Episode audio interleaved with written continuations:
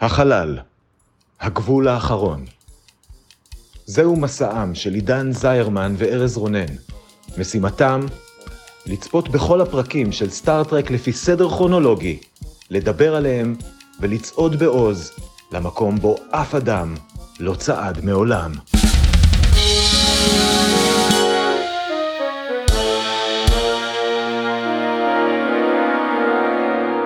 שלום, אני עידן זרמן. ואני ארז רונן. ואנחנו הולכים לדבר היום על הפרק השישי בעונה השנייה של סטארט-טרק, הסדרה המקורית. הפרק נקרא The Doomsday Machine, הוא שודר במקור בתאריך 20 באוקטובר 1967, וכרגיל, כדי להכניס אתכם לעניינים, נתמצת את כל מה שקרה בו בדקה אחת. ארז, אתה מוכן? מוכן כמו מישהו שזורק ג'וינט דולק לחלל ומגלה שהוא הפך למכונת יום דין. זה סוג מאוד ספציפי של מוכן, אני זורם על זה. נכון, אבל זה נכון. שלוש, ארבע ו... קירק וחבריו המופלאים נתקלים בתעלומה חדשה. כוכבי לכת שפשוט נעלמים מהחלל. במהלך החיפוש אחר כוכבים, ה Enterprise נתקלת ב Constellation, ספינת חלל נוספת של Starfleet, שכבר ראתה ימים יפים יותר. ה Constellation הרוסה, חבולה וריקה. רק הקפטן שלה נשאר על הסיפון, ומצבו הנפשי, איך אגיד זאת, לא להיט. מסתבר שמכונת יום דין אינטר-גלקטית נמצאת בשכונה, והיא מסוגלת להרוס כל מה שנקרה בדרכה. ויותר גרוע, היא בדרכה לאזור הכי מיושב בגלקסיה שלנו, ומסוגלת להרוס את כל הכוכבים בעולם. אוי לא, קומודור דקר, המפקד של נשלח לנוח ולהתאושש באנטרפרייז, בזמן שקירק נשאר על סיפון הקונסטליישן. רק מה, דקר מנצל את ההזדמנות כדי להשתלט על האנטרפרייז ומנסה לחסל את מכונת יום הדין. הוא לא מצליח ואפילו מקריב את חייו בדרך, מה שנותן לקירק רעיון כיצד כן אפשר לנצח את משמיד הכוכבים שלנו. ומה אתם יודעים? מה שלא עבד לקומודור דקר, כן עובד לקפטן קירק, ששוב הציל את הגלקסיה כולה. קצת חבל על דקר, דווקא היה נראה טיפוס נחמד. הספקתי? כן, זה היה אחד עמוס. מותר לי לצאת בהצהרה בומבסטית? כן. אני חושב שהפרק הזה מאוד מאוד קרוב ללהיות אחד הפרקים האייקונים של הסדרה, והוא נופל על דברים די קטנים. וזה מעציב אותי, אבל גם מאוד נהניתי ממנו. אני יכול להבין את מה שאתה אומר, אני מאוד מאוד נהניתי מלצפות בפרק הזה. כשהוא התחיל, אה, אני ציפיתי לגמרי שדברים אה, ישתמשו במהרה ושזה לא יהיה כיף, נקרא לזה ככה, אבל לא, הוא כל הזמן לקח כיוונים שאני מאוד מאוד אהבתי. קרו הרבה דברים בפרק הזה, אז התקציר שלך לא יכול היה לכסות את כולם. כן, זה... אין ספק. אני חושב שהנקודה של התפקיד יש בהתחלה את כל המחקר אותו עם, מה לזה צריך להתמודד כאן ואז בשלב מסוים סקוטי וקירק ועוד כמה אנשי צוות שלהם שהם נשארים על הקונסטליישן הספינה ההרוסה של קפטן דקר. קומודור דקר. כן, למעשה. קומודור מאט דקר ולעומת זאת דקר ביחד עם כל שאר הצוות של האנטרפרייז נמצאים על האנטרפרייז ואז דקר לוקח את הפיקוד על האנטרפרייז בזמן שקירק אה, וסקוטי תקועים בספינה ההרוסה שבקושי יכולה לזוז ובטח שלא לראות בשום דבר ומהרגע שזה קרה אני כזה חשבתי לעצמי אוקיי זה מהלך טוב. זה מעניין, אני כן. מאוד מאוד תהיתי לאיזה כיוונים זה הולך להתפתח והעובדה שרוב הפרק לא התמקד ב technobabble לגבי משמיד הכוכבים כמו שהוא התמקד בדרמה שקורית על האנטרפרייז עם דקר הדי מחורפן כי כל הצוות שלו אה, נהרג ושמנסה להשתמש בה- באנטרפרייז כדי להשלים את הנקמה שלו אז אה, מהרגע שהפרק עבר להתמקד בדרמה הזאת אז הוא היה מאוד מאוד כיפי לצפייה ומאוד מאוד מעניין. נכון, אני, אני מסכים מאוד. קודם כל זה היה בינתיים מכל הפרקים שראינו, היו כמה פרקים שהיה להם את ה, מה שהתקבע מאוד בסטארטרק הדור הבא, שלכל פרק יש את העלילת A ואת העלי, העלילת B. כבר היו לנו כמה כאלה, אבל זה אני חושב הפרק שעשה את זה הכי טוב, אה, ואני חושב שבגלל זה הוא הרגיש לי מאוד מאוד כמו סטארטרק מודרני. הוא לא הרגיש כל כך ישן, כי באמת היה את העלילה על המשמיד כוכבים הזה, שזה פשוט היה ה-Doomsday Machine, ה... whatever it was, זה רובוט אוטומטי גדול שפשוט מנשנש כוכבים. מובי דיק. וככה מתדלק את עצמו בשביל לנשנש עוד כוכבים. סוג של גלקטוס, קראתי לו כמה דברים, קראתי לו פלוס משמיד כוכבים לפעמים, פלוס גלקטוס, אה, ג'וינט גלקטוס, כל מיני, כי הוא נראה קצת כמו ג'וינט. גלית קראה לו אה, הקלטון חלל שאכל את סאורון ואני כאילו זרמתי עם זה מכאן והלאה. נכון. אז היה את העלילה הזאת, ובאמת היה את כל העלילה של דקר המחורפן, שנמצא בהלם קרב אה, מטורף ובטראומה, ובאמת שוקע אליו, ושוקע ושוקע ושוקע לתוך המצוקה הנפשית שלו, עד שהוא באמת מקריב את עצמו, ובדרך גם כמעט מקריב את כל האנטרפרייז והצוות תוך כדי, ובעצם משחזר שוב את ההחלטה הלא טובה שהוא עשה. כביכול, אני אדבר על זה עוד מעט על דקר, אבל כאילו משחזר את הכישלון הראשון שלו שוב, שוב הוא עומד לאבד צוות שלם של אה, ספינה, וזה יפה. זאת אומרת, זה עשוי יפה. אני אגיד את הדבר שהכי הפריע לי בעניין הזה, כן? השחקן ששיחק את דקר, הוא ממש מחורבן.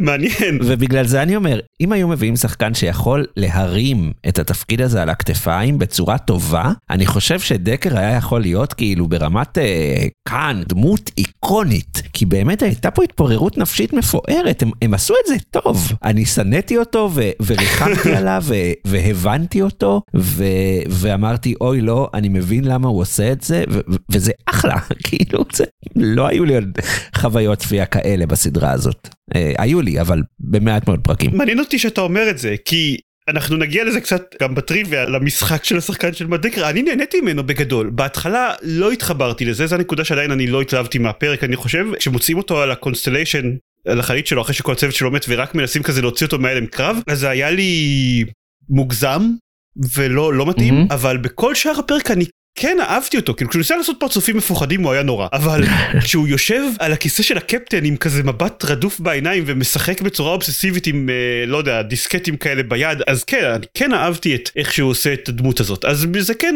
קצת התנדנד לי אבל אני דווקא כן אהבתי אותו בגדול את השחקן. אז מעניין מה שאתה אומר. הנקודות שהפריעו לי בפרק היו קטנות הרבה יותר. בעיקר אני חושב כל האקט האחרון של הפרק אחרי שכבר מת דקר מקריב את חייו אז הוא נותן בעצם לקירק את הרעיון של איך לחסל את הקלטון חלל הזה ואז הם עושים איזשהו משהו מאוד מאוד מפורט של הוא יגרום לעומס יתר במנועים של הקונסטליישן וייקח לעומס יתר איזה 30 שניות לקרות ואז קירק יפעיל את זה וב-30 שניות האלה ישגרו אותו משם. וכאילו המון המון דברים שמאוד מנסים לבנות מתח מסביב לזה ש... אוקיי ברור שהם יצליחו להוציא את קירק בזמן משם זה לא כאילו מנסים להמשיך לבנות מתח מסביב לשום דבר אז זה קטע שקצת כן היה לי חבל בפרק. אז אני רוצה לקחת את הנקודה הזאת וללכת איתה קצת יותר רחוק כי לי כל המהלך הזה, דבר ראשון, אני לא מאוד אוהב גלוריפיקציה של התאבדות, גם לא בחיים האמיתיים, אני לא מת על שאהידים, אבל גם בסדרות ובכאלה, אה, אני לא אוהב שמישהו גיבור כי הוא הקריב את עצמו בשביל אה, לנצח את הרע, אבל כשדקר גנב את המעבורת וניסה להיכנס לתוך ה space joint הזה בשביל לפוצץ אותו, אז אמרתי וואלה זה דווקא, כאן זה דווקא איכשהו התחבר טוב, כי, כי הוא באמת רדוף ובאמת אין כבר לדקר שום מחילה על מה שהוא עשה, זאת אומרת הוא גם איבד את הפיקוד שלו. ואז הוא השתלט על האנטרפרייז וניצח את ספוק באיזה טיעונים אה, של אה, נהלי סטארפליט וכאילו אני אומר אוקיי לא אה, אין לו עתיד מזהיר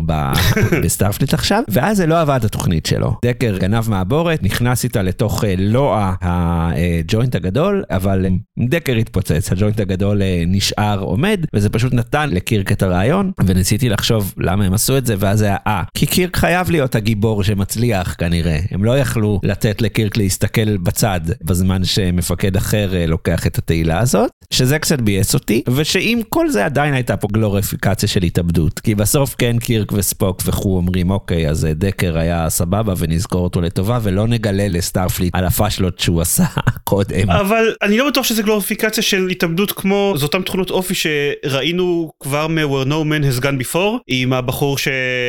גרי מיטשל שכאילו שכמעט הרג את כולם ובסופו של דבר הם רוצים להשאיר אותו עם רקורד נקי אז מציינים את השם שלו בתור קורבן גיבור של המחסום הגלקטי. אותה תכונת אופי עובדת פה שבגללה הם מחליטים בכל זאת לזכור את אה, דקר בזכות הדברים הטובים שהוא עשה ולא בזכות השיט שהוא הכניס אותם לתוכו. לא יודע אני פחות רואה את זה בגולריפיקציה של התאבדות ויותר סוג של אה, אני רוצה להגיד ציפוף שורות מוזר בקרב קצינים של סטארפליט שזה גם בעייתי אבל בצורה אחרת. כן כן איך שקרה משהו פחות נורא לקירק העמידו אותו למשפט וכמעט כן. הדיחו אותו אבל בסדר. כן בכל מקרה חוץ מהקטע הזה שאני ציינתי בסוף אני מאוד מאוד נהניתי מהפרק אני נהניתי מהדמות של דקר אמרתי שבניגוד אליך אני נהניתי יותר מהמשחק אבל גם מאוד נהניתי מהדמות שלו ואיך שבנו אותה וכשראיתי את הפרק הזה אז אני גם חשבתי של יופי יש כאן גם ממש הרבה חומר דיבור על צורות שונות של גבריות אבל כבר לא נשאר כל כך זמן לזה אבל אני חושב שהפרק מציג כמה מודלים. מודלים מאוד מאוד שונים לגבריות באותו פרק שזה מה שהוא לא עשה הרבה זמן יחסית. נכון כי לא הוא לא טרח uh, לשים דמויות נשיות אז אתה יודע היה לו זמן להתעסק בגברים. הייתה איזה מחליפת טהורה שעשתה דברים. כן.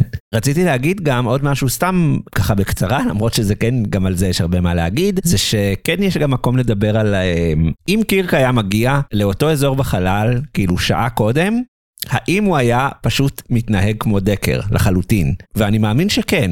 זאת אומרת, כי גם הפעולות שדקר עשה, לגנוב ספינה אחרת, כאילו בשביל לנסות לעשות תוכנית מטורפת לחלוטין, זה לחלוטין מוב שקירק היה מסוגל לו. פשוט דקר לא מאוד הצליח, וקירק נוטה להצליח בכל דבר שהוא עושה, אבל uh, אני חושב שזה עוד משהו שכמובן הפך את הדמות של דקר לטראגית, כי הוא באמת, הוא לא מאוד שונה מקירק שאנחנו מכירים, ופשוט הטיימינג שלו היה ממש ממש מחורבן, אז מבאס. אולי מה שאתה אומר נכון, אבל אני חושב שהנוכחות של ספוק בתור uh, כל ההיגיון משנה דברים, אני פשוט תוהה, כי ראינו פרקים שבהם זה שספוק אומר לקרק שהוא מתנהג בצורה לא הגיונית אין לזה שום השפעה בכלל, ופרקים שבהם הוא כן מצליח לשכנע את uh, קרק לנהוג בצורה מסוימת, אז לא יודע, אז יכול היה ללכת לכאן או לכאן לדעתי. כמעט נגמר לנו זמן ואנחנו צריכים לעבור לפינות אני רק רוצה להגיד אנחנו דיברנו בעיקר על דקר ועל ההתפתחות העלתיות בינו לבין קרקע ויש כאן שני רפרנסים מאוד מאוד גדולים שתי אלגוריות מאוד מאוד גדולות שצריך להתייחס אליהם אחד מהם זה מובי דיק שזה מה שפספסתי לגמרי בזמן הפרק ואז שנקרא את הפרטי טריוויה של הפרק אני כזה אה נכון. ואני אחזור לזה עוד בטריוויה. והשני אני חושב רפרנס למלחמה הקרה. הפרק הזה היה כל כך עמוס בדברים שבכלל לא דיברנו על זה אבל הוא מאוד נכון. מאוד הציג את הפחד מפני הנשקי על ששני הצדדים בונים. תכלס ה doomsday machine בפרק הקלטון חלל זה כאילו ה doomsday machine של דוקטור סטרנג'לאב פחות או יותר. כן. אף אחד לא רוצה להפעיל אבל אם אנחנו נפסיד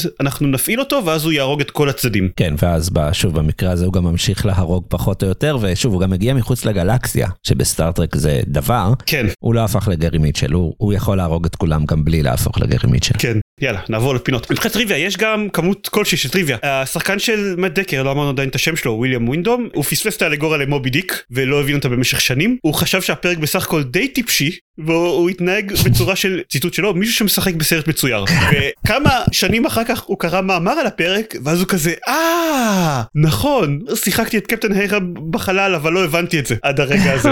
אז כן אולי זה חלק מהעניין מה שאתה לא אהבת במשחק שלו ומה שלי היה יכול להיות יותר טוב זה כאילו בגלל שזו הצורה שבה הוא בחר לשחק את הדמות הזאת. כן. קצת דברים יותר בקטנה הבמאי של הפרק מרק דניאלס הוא ביים הרבה פרקים שאנחנו ראינו לאחרונה גם את Mirror Mirror גם את Changeling וגם את Who Mourns for Adonais הוא התערב שהוא יכול לסיים לצלם את הפרק בחמש ימים במקום השש שהקצו לו וקיבל על זה בונוס של 500 דולר שזה יפה. וכששואלים את ג'יימס דואן השחקן של סקוטי מה הפרק האהוב עליו אז הוא מציין את הפרק הזה הוא אומר מפורשות שזה לא פרק שהתפקיד של סקוטי בו מבריק במיוחד אבל הוא פשוט מאוד מאוד אוהב את הפרק. סבבה. כן. אם כבר מדברים על סקוטי אז אני רוצה להגיד שיש לקירק איזה קטע מאוד מאוד מוזר להתייחס לתנאי העסקה של סקוטי. זה נכון. בפרק הקודם הוא פיטר אותו והפרק הוא אמר הרווחת את המשכורת שלך השבוע. כן כן. מה אוקיי בן אדם. לא יפה. לקח זמן עדיין הם לא החליטו שבני אדם במאה ה-23 לא מקבלים כסף. כן. אז ארז מה הייתה הסצנה האהובה עליך? ובכן אתה מקודם אמרת שקירק והחברים פגשו לראשונה את דקר בספינה שלו לא מאוד אהבת את הסצנה כי דקר באמת שיחק שם ב overacting היה לו מונולוג שהוא סיפר על זה שהוא uh, איבד את כל הצוות שלו והוא שלח אותם uh, uh, לאיזה כוכב בשביל לברוח מה, מהספינה ההרוסה ואז הוא ראה את המשמיד כוכבים הזה פשוט אוכל את כל הכוכב הזה שכל הצוות שלו נמצא עליו ואני מסכים איתך שהמשחק שם לא היה טוב אבל זה היה הרגע השלב הראשון בפרק שבו אמרתי כזה אוקיי יש פה, יש פה חתיכת דבר יש פה חתיכת דמות. והתרשמתי מהמונולוג הזה למרות אה, הביצוע הלא מאוד מוצלח אז אה, זו הייתה הסצנה האהובה שלי. אני יכול להבין חייב להגיד שאני יכול להבין הסצנה האהובה עליי היא כשקרק מצליח סוף סוף ליצור קשר עם האנטרפרייז אחרי שהוא נתקע בקונסטליישן ודקר אה, השתלט עליה והשתלט על הפיקוד במקום ספוק ואז הוא נותן לספוק את הפקודה לשחרר את מאט דקר מהפיקוד על האנטרפרייז וזה מה שמספיק לספוק בשביל אוקיי טוב מישהו מעליי בדרגה אמר את זה אני לא אחראי יותר ומשחרר אותו ואז אחרי שהוא מתיישב על הכיסא אז uh, הוא אומר לדקר שנראה לי שאתה מאחר לבדיקה רפואית או משהו בקווים האלה וזה היה רגע נפלא של קתרזיס אני, אני אציין שמוקדם יותר בפרק מקוי מציע שספוק בכל זאת יחליף את דקר בעזרת זה שהוא יטען שהוא לא כשיר לפיקוד מבחינה פסיכולוגית וספוק אומר שסבבה אבל בשביל שנקבע את זה הוא צריך לעבור בדיקה רפואית והוא לא עבר בדיקה רפואית אז זו הייתה סגירת מעגל מאוד מאוד יפה ומאוד אהבתי אותה. כן. אז אם אנחנו כבר מדברים על נהלי סטארפליט שבהם דקר השתלט על האנטרפרייז ואז ספוק השתלט על האנטרפרייז בחזרה אז נשאל בפינת השאלה המטופשת המתחלפת שלנו באיזה נוהל טכני של סטארפליט אתה היית משתמש כדי להחזיר את האנטרפרייז לידיו של ספוק. ובכן מעטים יודעים אבל סטארפליט אקדמי אחד מהקורסי חובה שצריך לעבור בשנה א' זה משחק מול מצלמה דקר נכשל בקורס. נכשל בצורה מחפירה, ואם אה, נספר את זה, אז פשוט כל הקצונה שלו תבוטל. זהו. אוקיי, מעניין אם זה יעבוד. כן, יעבוד, יעבוד, ניסיתי. סבבה. אני אגיד שאני לא בטוח בדיוק איזה סעיפים הם הפעילו שאפשרו לטפרינג לגרום לספוק להילחם בקרב עד המוות נגד קירק, אבל נראה לי שאפשר לעשות את זה שוב. תכלס, נכון. יכול לעבוד. מצד שני קירק לא היה שם. בסדר, אוקיי, להילחם עד המוות נגד הקפטן הנוכחי של האנטרפרייז. אה, תכלס, נכון, או, וואלה, ואז נפתור שני פרקים בפרק אחד. יפה, אהבתי. ובפינת הטופ 3 המתעדכן שלנו, טוב, הטופ 3 שלנו כרגע די דומה, ארז, הטופ 3 שלך הוא במקום השלישי The Changeling, במקום השני Amok Time ובמקום הראשון Mirror Mirror. האם The Doomsday Machine נכנס לרשימה הזאת? כן, כן, אה, יאללה, נו, מקום שני, קבוצה אמת. סבבה, מקום שני, אז עכשיו... נהניתי, אה, אני אגיד את זה ככה, אה, אני, אני, אני, אני למדתי תסריטאות ואני, ואני כותב, וכאילו אין מה לעשות, אני מעריך תסריט טוב וכתיבה טובה, וגם אם הביצוע יכול להיות יותר טוב, אני חושב שזה היה אחלה תסריט, בין הטובים אה, שראינו עד עכשיו בסטארטרק, אז אני בעדו. אוקיי, אז אתה מעיף את נומד מהרשימה שלך, ומכניס את קפטן דקר. כן. אני אגיד שהטופ שלוש הנוכחי שלי הוא במקום השלישי The Changeling, במקום השני Mirror Mirror ובמקום הראשון Amok Time, וגם אני מאוד נהניתי מהפרק, והיו לי פחות השגות ממך, אז אני מכניס את Doomsday Machine למקום הראשון. וואו, כן. כבר, אה, זה כבר יפה. גם אני מעיף את נומד, הרשימות שלנו עדיין כוללות אותם פרקים, שתי הרשימות, אבל בסדר אחר. נכון. זהו, סיימנו? אה, נראה לי שסיימנו, אבל יש גם אה, עוד, עוד שבוע נחזור שוב, אז כאילו לא צריך להתבאס. נכון, עוד שבוע נחזור שוב, אנחנו לפני שאנחנו הולכים נגיד שאתם יכולים לעשות לנו לייק בפייסבוק לדף שלנו צופים בין כוכבים, או להיכנס לצופים בין כוכבים הקבוצה, ושם אתם יכולים מעבר לדבר על הפרק, אתם יכולים גם להצביע על איזה מבין השתי סצנות שלנו אתם אהבתם יותר, או אולי סצנה אחרת שאתם אוהבים יותר, שלא ציינו. יש לנו גם חשבון בטוויטר, ואתם מוזמנים לעשות לנו לייק, follow, subscribe, whatever, בכל פלטפורמת פודקאסטים שאתם מקשיבים לנו. בשבוע הבא אנחנו נחזור עם הפרק קצפו, ככה אומרים את זה? קצפו. אה, יכול להיות. כן, יכול להיות. יש, לי, יש עליי חתול, אז אני יודע. מעולה, אז להתראות ונתראה בשבוע הבא. ביי ביי. Música